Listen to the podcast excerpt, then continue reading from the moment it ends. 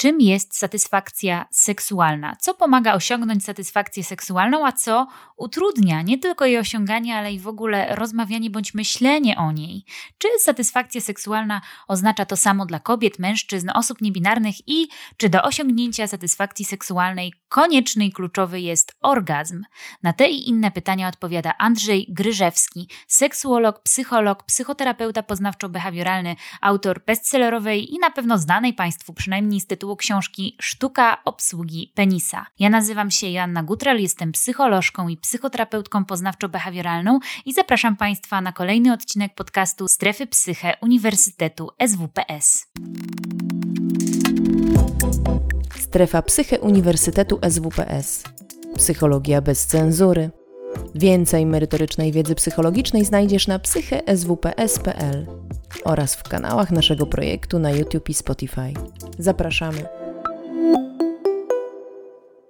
Dzisiejsze spotkanie nosi tytuł Nie tylko orgazm i będziemy rozmawiać o satysfakcji seksualnej, a moim i Państwa gościem jest Andrzej Gryżewski, seksuolog, psycholog i psychoterapeuta poznawczo-behawioralny. Na pewno znacie Państwo go z bestsellerowej książki, której jest autorem e, pod tytułem Sztuka obsługi e, penisa, e, założyciel gabinetu cbtseksuolog.pl, a prywatnie miłośnik skłosza i dalekich podróży witam serdecznie. Dzień dobry, witam. No dobra, no to mm, zacznijmy, jak to najlepiej wychodzi od początku. Czym w zasadzie jest satysfakcja seksualna? Satysfakcja seksualna to jest e, moment, kiedy czujemy dużą przyjemność e, z naszej erotyki, albo solo, albo w relacji partnerskiej, czy w innych relacjach, w których ten seks uprawiamy.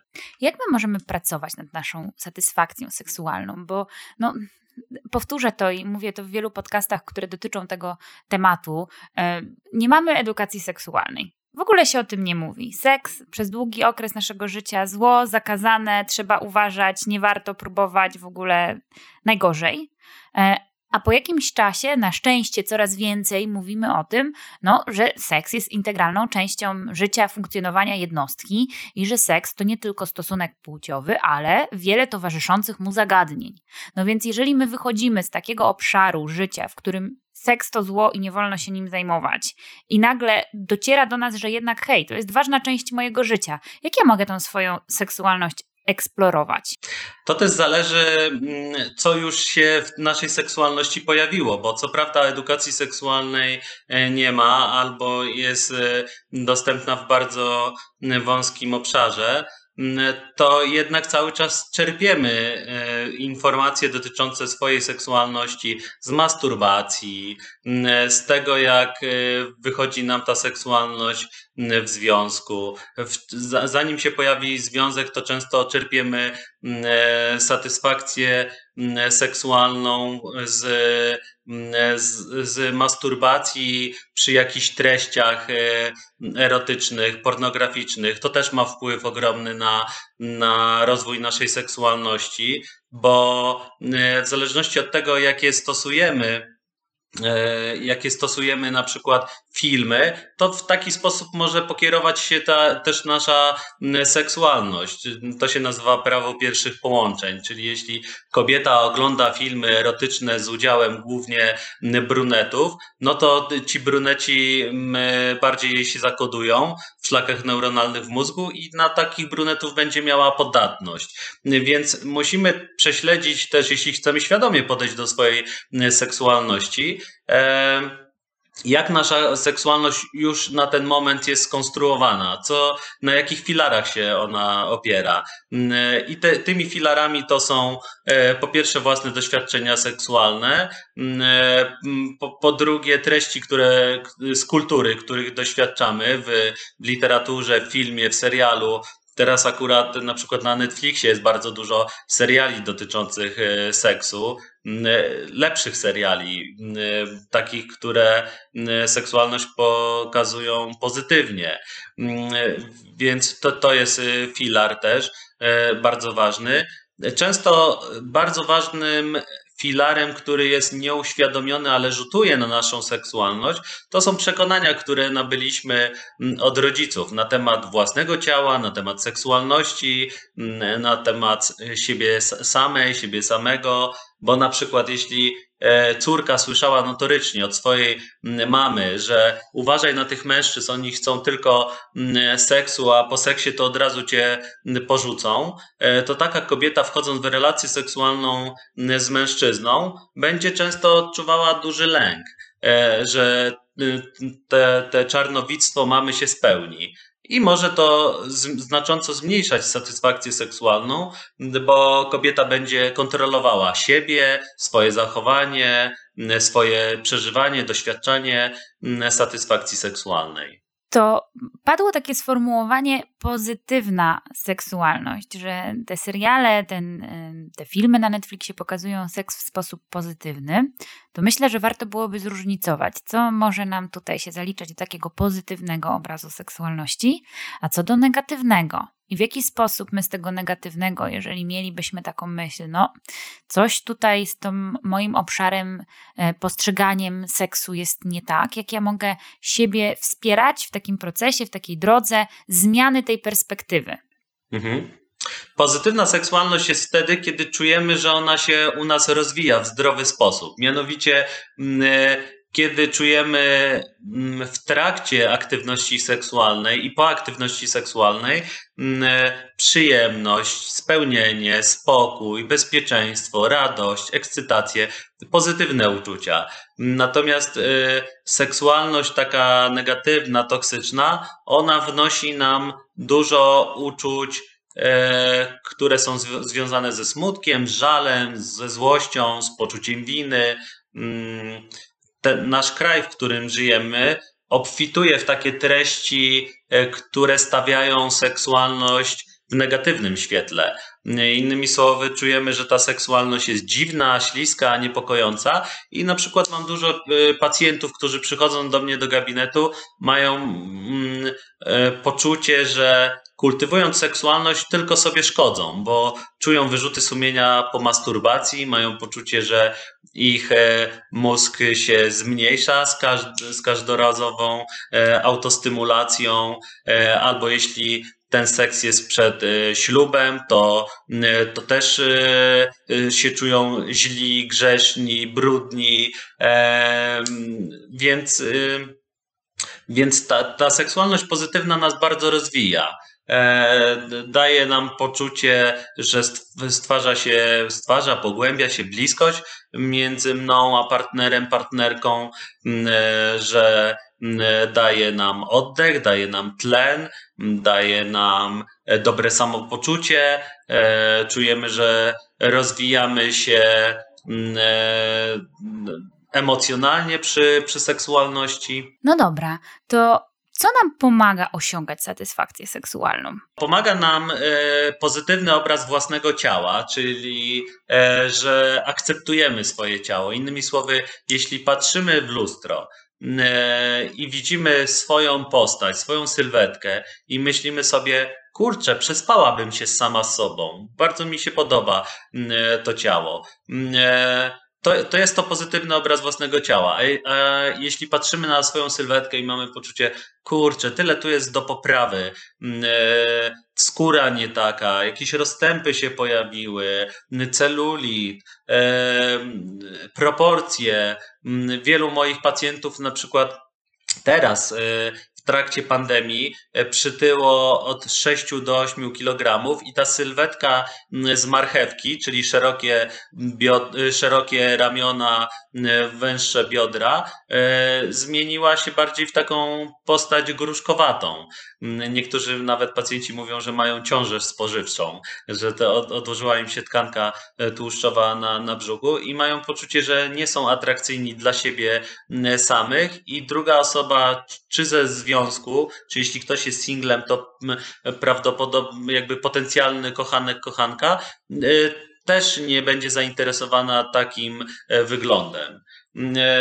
I pozytywny obraz własnego ciała ma ogromne znaczenie na, dotyczące naszej seksualności, bo bo reguluje nam libido. Innymi słowy, widzimy w gabinetach seksuologicznych taką zależność, że osoby, które bardziej akceptują swoje ciało, bez względu na to, jakie ono jest, to mają wyższe libido, łatwość w inicjowaniu kontaktów seksualnych, łatwość w przyjmowaniu pożądania, bo to, to jest też sytuacja, którą często tu w gabinecie spotykam, że osoba, która ma e, negatywny obraz własnego ciała, jeśli partner czy partnerka pożąda, to ta osoba odrzuca tą osobę pożądającą. Ma, ma, w głowie ma taki, taką myśl, ty nie powinnaś, nie powinieneś mnie pożądać. Ja nie jestem godny tego. Ja, ja, ja czuję, że e, nie jestem w dobrej formie czują zawstydzenie, wstyd, wyrzuty sumienia, jak ktoś zaczyna ich pożądać.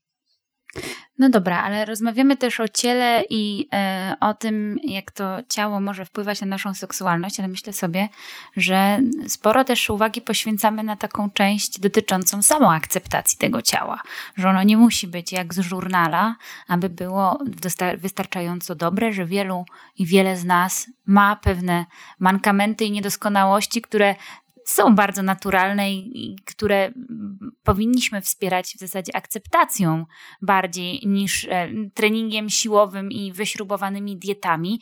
Czy taka relacja ze sobą, polegająca na samoakceptacji, też może być elementem wspierającym budowanie e, relacji opartej na pozytywnej seksualności. Ja myślę sobie, że to jest jeden z głównych filarów e, pozytywnej seksualności, że bez względu na to, jak wyglądamy, jeśli polubimy swoje ciało, zaakceptujemy siebie, popatrzymy w to lustro i mamy ochotę się sami z sobą przespać, to ma ogromny wpływ na naszą seksualność. Ja akurat mam taką sytuację, że pracuję w Warszawie, jestem znanym seksuologiem, więc przychodzi do mnie też dużo osób z, ze świata telewizji, z, właśnie z tych okładek z żurnala i widzę, że te osoby, które są takie bardzo zadbane, które dużo trudów włożyły w różne zabiegi e, estetyczne, w, w treningi, w dietę, w motywację do, do ćwiczeń, to widzę, że często nie idzie w parze e, akceptacja swojego ciała i pozytywna seksualność. W sensie to, to nie jest tak, że im osoba jest ładniejsza z zewnątrz, tym prawdopodobnie bardziej siebie akceptuje. Mam tu du dużo osób, które y, mają e, taką nieakceptację swojego ciała, pomimo tego, że publicznie zostały zaakceptowane i postawione jako, jako wzór e, wysportowania czy atrakcyjności mm, fizycznej, mm, e, społecznej. Więc myślę sobie, że Mm, nie warto wchodzić w taki tok myślenia, że gdybym była, gdybym był taką osobą y, z okładek y, i, i ludzie by mnie podziwiali, to na pewno by się to przełożyło na moją y, akceptację. Widzę ogromny rozdźwięk między tym, jak ludzie wyglądają, w sensie, że z zewnątrz wyglądają pozytywnie, a między tym, co czują w środku to co utrudnia nam osiągnięcie satysfakcji seksualnej i czy faktycznie dla osiągnięcia tej satysfakcji seksualnej kluczowy, konieczny jest orgazm? E, absolutnie nie. To, to jest raczej mm, męskie podejście do, do seksualności. Mianowicie mężczyźni, jak e, zaczynają rozwijać swoją seksualność, mniej więcej od, od 12-13 roku e, życia, kiedy pojawiają się myśli o, o seksie z, z drugą osobą, kiedy zaczyna mm, coraz bardziej rozwijać się popęd seksualny, to u nich tożsama jest satysfakcja seksualna z orgazmem. Mają poczucie, że w seksie o to chodzi, żeby, żeby mm, wszystko sprowadzało się do orgazmu, w sensie, że wszystkie drogi prowadzą do, do Rzymu. Wraz z upływem lat i, i mm, jak pojawia się coraz większa dojrzałość emocjonalna, dojrzałość społeczna, ale też dojrzałość seksualna, to ta definicja satysfakcji seksualnej u mężczyzn coraz bardziej wykracza poza orgazm. W sensie mają poczucie, że na, na nią składają się też inne obszary, czyli że satysfakcjonujący seksualnie jest też dotyk drugiej osoby do, czy, e, jeśli ta osoba nas dotyka, albo my ją dotykamy.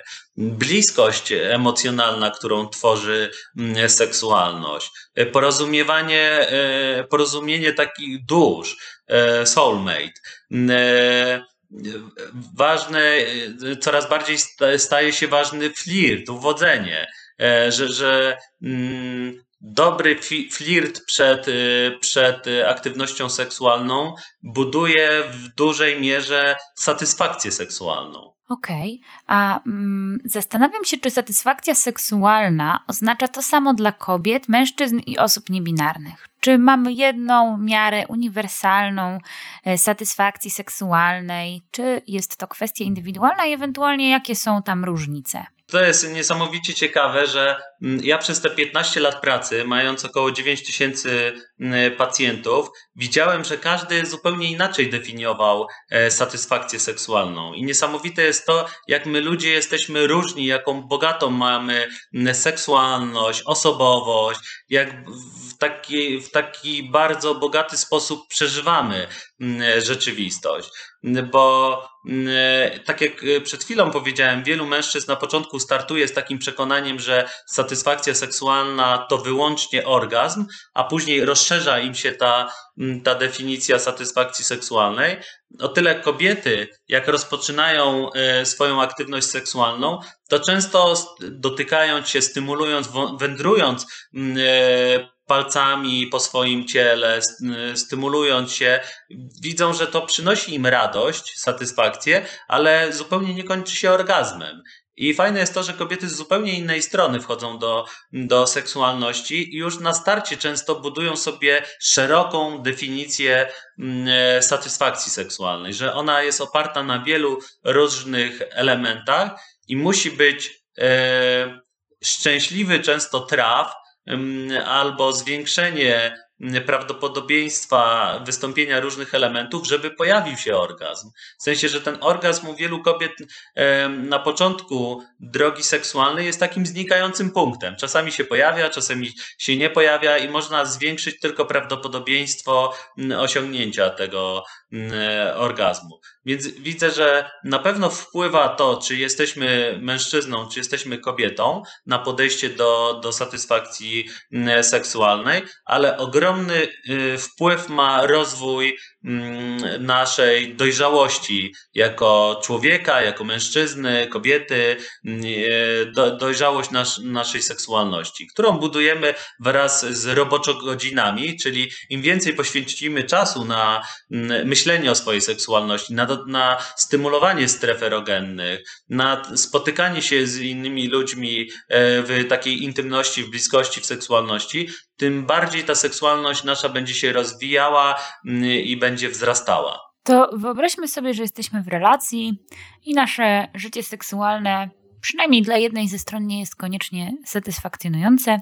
W jaki sposób można z osobą partnerską w sposób e, pozytywny, wspierający dyskutować, rozmawiać o budowaniu tej satysfakcji seksualnej? Na pewno nie warto atakować tej drugiej osoby, w sensie. E, Nieraz słyszę tutaj w gabinecie, że kobieta mówi według takiego stereotypu, że to mężczyzna powinien e, zorganizować seks, e, w sensie zainicjować seks, stworzyć klimat, podniecić siebie, podniecić ją, dać jej orgazm, dać sobie orgazm, to według takiego przekonania kobiety, które tutaj spotykam w gabinecie, mówią, że to przez ciebie nie mam orgazmu. To ty tego nie dowiozłeś, e, to mm, ty masz za małe doświadczenie seksualne, nie, nie potrafisz w bliskość, nie potrafisz w seks. E, I, i to, to, to jest bardzo krzywdzące, po pierwsze, dla drugiej osoby, po drugie, mm, z, z takiego napadu, pretensji, e, wiele dobrego nie, nie wyniknie, ze względu na to, że seks nienawidzi presji, nienawidzi e, takich negatywnych e, przekonań. Jeśli czy mężczyzna, czy kobieta od swojego partnera, partnerki e, usłyszy stek takich negatywnych przekonań, ta, taki napad emocjonalny, no to jest duże prawdopodobieństwo, że ta osoba się po prostu zamknie w sobie. E, seks jest bardzo delikatną tkanką, mm, e, wpływa na seks wiele różnych rzeczy, na przykład to, czy się wyspaliśmy, czy nie wyspaliśmy, czy się najedliśmy, czy się przejedliśmy, czy mamy okres bardziej e, lekki w pracy, czy, czy trudny. Wszystko to wpływa na, na seksualność. Jeśli dołożymy jeszcze negatywne komunikaty od drugiej osoby, to jest ogromne prawdopodobieństwo, że ten seks coraz będzie rzadszy, coraz bardziej się będzie wyciszał. Innymi słowy, jeśli mm, e, czegoś nam brakuje w seksie, to mówmy o sobie. Mm, czyli e, kobieta na przykład mówi do, do swojego partnera: Wiesz co, w, naszej, w naszym ostatnim zbliżeniu mm, ja coraz bardziej się podniecałam, coraz bardziej, coraz bardziej. Podnieciłam się na 10%, na 30%, na 70%, na 80% i jak miałam już dojść do orgazmu, to czułam nagle taki szklany sufit. Nie wiem o co chodzi. Popracujmy nad tym, porozmawiajmy szerzej o naszej seksualności, czego ty potrzebujesz, czego ja potrzebuję, bo yy, czegoś mi brakuje, żeby przebić ten e, szklany sufit, żeby do, doświadczyć pełnej satysfakcji seksualnej. Nie. I, I to jest taki komunikat bardzo e, pozytywny, nieagresywny, że mówimy o sobie, czego my potrzebujemy, a, a nie wyrażamy to w formie pretensji. Czy satysfakcja seksualna, w zasadzie to, co nas satysfakcjonuje w, tym, w tej naszej seksualności, może się zmieniać na przestrzeni życia? Oczywiście. E, I ona jest, nasza satysfakcja seksualna jest bardzo podatna na to, co się dzieje w naszym życiu. Innymi słowy, w seksuologii mamy takie przekonanie, że jakie jest życie, taki jest nasz seks. Innymi słowy, jeśli ktoś teraz w trakcie e, pandemii stracił pracę, E, czy, czy na przykład jego zarobki się znacząco zmniejszyły, na przykład o 50%, co było dosyć dużym standardem na początku pandemii, to jest duże prawdopodobieństwo, że to wpłynie też na seksualność, że obniży się satysfakcja z przeżywanych orgazmów, wydłuży się droga do osiągnięcia satysfakcji, mm, e, będzie trudność we flircie, w uwodzeniu, będzie mm, e, u kobiet pojawią się trudności z lubrykacją, z nawilżeniem, e, mogą pojawić się zaburzenia bólowe, czyli dyspareunia, ból przy stosunku. U mężczyzn e, z kolei bardzo przerzuca się to na taka trudna sytuacja życiowa, przerzuca się na erekcję, że te erekcje są słabsze już nie na, nie na 100%, nie na 90%, tylko na 50%, na 40%. Jest trudność z osiągnięciem orgazmu, albo się w ogóle nie doświadcza orgazmu, satysfakcji, albo e, ma się przedwczesny wytrysk. E, zmniejsza, zmniejsza się znacząco libido, jeśli na przykład bliska osoba nam umarła albo mm, e, są jakieś problemy partnerskie w związku, od razu to się prze, przekłada na satysfakcję seksualną. To w jaki sposób my możemy tą seksualność w związku partnerskim omawiać, kiedy ona się zmienia? Także kiedy doświadczamy czegoś trudnego, bo mamy takie obrazki, one są pewnie zakodowane w dużej mierze też z popkultury, z, różnych, z różnego rodzaju komedii, romantycznych filmów. Już cię nie pociągam, już mnie nie kochasz, e, już e, nie wiem, moje ciało nie wygląda tak jak kiedyś, kiedy miałam lat 18-20 i teraz nie masz na mnie ochoty. I my mamy takie obawy w swoich głowach. No właśnie, i tutaj zanim e, na przykład kobieta wyartykułuje swoje obawy, do mężczyzny, mówiąc trochę e, o tych obawach, jakby to była prawda objawiona. Ty mnie już nie pożądasz. E, ja nie wywołuję u ciebie podniecenia i to z taką twardością, z taką pewnością siebie i z takim przekonaniem, e, co może oczywiście mężczyznę bardzo dotknąć i, w ogóle zbombardować mm, jego, jego seksualność. Zanim wyjdziemy z takim przekonaniem, to warto zadać pytanie otwarte, w sensie Widzę, że w ostatnim czasie rzadziej inicjujesz seks, albo e, mniej flirtujesz ze mną, albo widzę, że ostatnio e, twoje erekcje są słabsze. E, jaki masz pomysł? Z czego to wynika? Jaką masz hipotezę? I wtedy spokojnie, partnersko rozmawiamy o temacie. A jeśli napadniemy drugą osobę, ty robisz coś albo czegoś nie robisz, ty jesteś taki owaki, to druga osoba się złapie często nie na treść, którą chcemy przekazać, tylko na formę taką agresywną, napastliwą, albo jeszcze najgorzej, jak powiemy to z płaczem, że ty już mnie nie pożądasz. No to mężczyźnie się łamie serce, jak widzi, że kobieta mm, e, płacze. E, no i wpada w kompletne przerażenie. Co on wtedy zrobi, jak na przykład ma gorsze erekcje? Od razu popędzi do jakiegoś seks shopu, mm, żeby sobie nakupować e, tabletek na, na erekcję, żeby być wydolnym. I w następnego e, razu, w sensie na przykład jutro wieczorem, e, ten mężczyzna e, nafaszeruje się tymi tabletkami i spocąc, z, z takim lękiem, spoconymi dłońmi zacznie się dobierać do, do kobiety. Więc myślę sobie, że jeśli jego partnerka zobaczy, że on się do niej dobiera i temperatura ciała jego znacząco spadła, swoimi zimnymi dłońmi ją zaczyna dotykać, pieścić i robi to trochę kanciasto, no to jest to dosyć aseksualne. No i też myślę sobie tak, e, stając też trochę po stronie tej kobiety, posługujemy się takim bardzo stereotypowym przykładem, ale, e, ale niech, on tak, niech on tak z nami zostanie, że takie obawy o to, że już nie pociągam mojego partnera czy partnerki, osoby partnerskiej, e, mogą być także refleksją tego, o czym rozmawialiśmy chwilę temu, tej akceptacji bądź braku akceptacji swojego ciała, swojej cielesności, swoich zmian. Ja użyłem tego przykładu stereotypowego ze względu na to, że ja bardzo często w tygodniu się spotykam z, z taką sytuacją. I to, to chciałem podkreślić, że mm, bardzo często jest tak, że jeśli u mężczyzny pojawiają się zaburzenia erekcji, albo obniżony popęd seksualny, albo niemożność dojścia do orgazmu, to od momentu wystąpienia danej sytuacji przez co najmniej kilka miesięcy albo kilkanaście miesięcy kobieta bierze winę na siebie, że to ja y, sprawiłam, że on ma zaburzenia erekcji, to, to ja sprawiłam, że on mniejszy ma popęd seksualny. Pewnie przytyłam, albo mm, jestem niemiła dla niego. Od razu kobieta się obciąża e, winą za, za, za to. Mm, e, natomiast najczęściej prawda jest zupełnie inna. Prawda często wygląda tak, że mężczyzna jest przytłoczony rzeczywistością, e, czyli zmia zmianą warunków finansowych, życiowych. Coś się dzieje zewnętrznego w jego życiu, co się przerzuca na tą seksualność, a kobieta nie ma wpływu często na to. No dobra, to teraz mamy tę parę. Ona odkryła, że ich życie seksualne jest mało satysfakcjonujące. Postawa otwarta. Pytamy, eksplorujemy, co się dzieje, co ty czujesz. I chcemy tą swoją y, satysfakcję seksualną budować. Ale kurczę, no wiele się pozmieniało w naszym życiu. I cielesność, i okoliczności życiowe, i sytuacja życiowa. I trochę nie wiemy, od czego zacząć. To teraz przepis.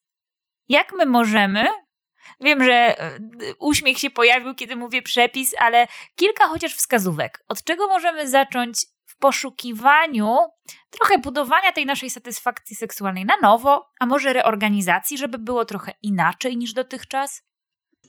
Na początku warto sobie spisać taką listę e, rzeczy, które tłumią moją seksualność.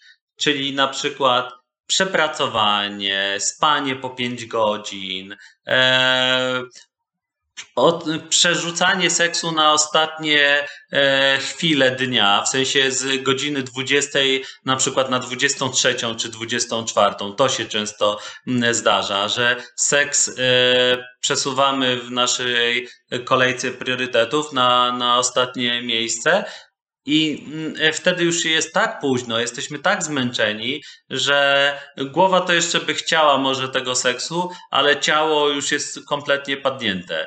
Mm, e, więc warto sobie spisać taką listę dystraktorów seksualnych, czyli mm, e, często, często sytuacji, które nam zabierają popęd seksualny i żeby partner, partnerka też to samo zrobili i przedyskutować warto to. Po to, żeby Mm, na przykład postarać się, żeby w weekend znacząco zminimalizować ilość dystraktorów. To jest jedna ważna wskazówka. Druga ważna wskazówka to jest taka, mm, że ważne jest, y, żeby spisać, co, są co jest naszymi bodźcami seksualnymi, jakie są nasze te kulki y, w koszyku bodźców seksualnych. Szerzej o tym pisałem w sztuce obsługi penisa, y, że to dla mężczyzn to, jest kluczowe, świadomość tych, tych kulek. Bo tak to, jeśli nie wiemy, co nas podnieca, to zaczynamy być jak dziecko błądzące we mgle. Komplet, mamy kompletne poczucie e, chaosu, e, poczucie bezradności, bezsilności, nie wiemy w którą stronę zmierzać e, ze swoją seksualnością, nie wiemy na czym ona e, się opiera. To jest druga, druga rzecz. Trzecia rzecz jest taka, żeby wdrożyć do swojego życia aktywności, które rozbudzają popęd seksualny. Bardzo dobrą aktywnością jest czytanie książek związanych z seksem, czy popularno-naukowych, takich jak pisze na przykład profesor Starowicz o mężczyźnie, o kobiecie, o rozkoszy, o zazdrości, czy ja też sporo takich książek napisałem, czy też e, filmy, filmy, seriale warto oglądać, gdzie ta seksualność jest poruszana. Na szczęście ostatni czas obfituje w dobre, w dobre seriale. No, w ostatnim czasie to e, rekordy bije taki serial, trochę cukierkowo podany, nazywa się Sex Life. E, o, o kobiecie, która. O, i to, to jest bardzo ciekawy wątek. Kobieta ma idealnego partnera, miłego, dobrego, ciepłego, zaangażowanego, pomocnego, opiekuńczego, a jednak myśli o mężczyźnie e, takim bad boyu, z którym miała wcześniej związek. I, I tam w serialu okazuje się, że ona po prostu jest przemęczona tą nową rolą, w której jest, a jest, e, jest matką dwójki dzieci, gdzieś na przedmieściach e, i nie żyje swoją tożsamością, gdzie ta tożsamość wcześniejsza, e, którą ona lubiła, opierała się na dużej ilości spotkań z ludźmi, na adrenalinie, na robieniu różnych rzeczy, które zaskakują. Bardzo fajnie pokazana historia mm, dotycząca tego, jak nasz popęd seksualny, satysfakcja seksualna może się wygasić z kompletnie zmienionymi warunkami życiowymi. Ten Sex Life jest bardzo ciekawym serialem. Nie dla wszystkich jest do przełknięcia ta cukierkowa forma, ale treść, y, treść serialu jest bardzo dobra. To odsyłamy do serialu wszystkich e, zainteresowanych. E, natomiast e, przeszliśmy tak jeszcze kawałek w kwestie fantazji seksualnych. Ja tak się zastanawiam, fetysze. Czy one mogą wspierać naszą satysfakcję seksualną, mogą być w jakiś sposób z nią związane? My w seksuologii fetysze dzielimy na dwa: fetysze małe i fetysze duże. Fetysze małe rzeczywiście wspierają seksualność. Fetyszem mogo, może być e, erotyczna bielizna, fetyszem mogą e, być e, różne gadżety erotyczne, mm, w świecie gejowskim buty, skarpetki białe mm, i, i one uatrakcyjniają bardzo życie seksualne. Natomiast fetysze duże to są takie mm, aktywności seksualne czy, czy rzeczy, które e, wystarczą do osiągnięcia satysfakcji seksualnej. Czyli na przykład mężczyzna, mężczyźnie wystarczą e, pończochy żony czy po prostu jakiejś kobiety, żeby doszedł do orgazmu. Sama kobieta już mu niekoniecznie jest potrzebna. I to rzeczywiście bardzo utrudnia e, wtedy życie seksualne w związku, E, jeśli jest sytuacja, gdzie danego fetyszu nie ma. E, nie, nie, nie, nie można go wdrożyć w danym momencie, bo, bo wtedy, mm, e, wtedy pojawia się u, u danej osoby, którą dotyczy ten fetysz duży, mm, ogromna frustracja, żal, smutek, znikające coraz bardziej podniecenie, pożądanie. No dobra, fetysze i różnice w libido, one się zdarzają w relacji. I zastanawiam się, no jedna osoba wnosi jakąś swoją fantazję. Weźmy, że będzie to na przykład fetysz mały, a druga osoba mówi, no dla mnie to jest jakieś dziwne, trudne, nie do przejścia, nie chciałabym tego próbować, z tym eksperymentować. No i mamy różne zapotrzebowanie na seks, także na różnych etapach naszego życia. No i to może siłą rzeczy na relacje oddziaływać Jak my się możemy jako ludzie spróbować dogadać? E, warto rozmawiać otwartym tekstem o tym, co, co nas podnieca i szukać zdrowego kompromisu. Czyli zdrowy kompromis polega na tym, że dwie osoby są nasycone takim rozwiązaniem, e, czyli na przykład mm, jeśli mężczyzna, bądźmy już przy tych stereotypach, bo one do, dotyczą dużej populacji osób, więc wiele osób może się w tym odnaleźć. E, załóżmy, że mężczyzna, dla mężczyzny fetyszem jest ta erotyczna bielizna a ma partnerkę, która jak zakłada erotyczną bieliznę, to ona się czuje przebrana, a nie ubrana w tą erotyczną bieliznę. Więc e, mo, może, para może się dogadać w ten sposób, że w co trzecim zbliżeniu ty będziesz zakładała tą erotyczną bieliznę i ja będę się czuł nasycony, a generalnie w tych dwóch trzecich naszych zbliżeń e, postaramy się albo e, wdrożyć jakąś aktywność seksualną, która będzie zaspokajała Twoje i moje potrzeby, albo głównie Twoje potrzeby będą mm, zaspokojone. Mm, e, I już, czyli e, staramy się, żeby nasze, nasz fetysz, czy w ogóle nasze upodobania seksualne były realizowane w jakichś 50% i żeby partnerki potrzeby też były w 50%. W sensie raz moje, raz twoje. My to w seksuologii nazywamy Dzień Króla i Dzień Królowej. Czyli w czwartki ty jesteś królową i ja robię to, co, czego potrzebujesz, co, co sprawia ci satysfakcję seksualną, mm, a w kolejny czwartek czy w niedzielę jest Dzień Króla i, i wtedy ty zaspokajasz mnie seksualnie. Mm, oczywiście to muszą być aktywności, żeby to był zdrowy kompromis, to muszą być aktywności, które dwie osoby akceptują, to po pierwsze. Po drugie, ta aktywność seksualna jest przyjemna dla tych e, dwóch osób, nie szkodzi zdrowiu, no i też nie szkodzi e, społeczeństwu, czyli że jeśli mężczyzna mówi, wiesz co, no ja to mam taki fetysz, że chciałbym uprawiać seks z tobą pod Pałacem Kultury, e, gdzieś e, w tych e, krzakach, no to mm, jest to sytuacja, która może narazić osoby postronne na niechciany widok. Nie, rozumiem, że nie wszyscy idąc do Złotych Tarasów chcą e, zobaczyć naszą aktywność seksualną. A kiedy samodzielne rozmowy, próby i starania nie wystarczają?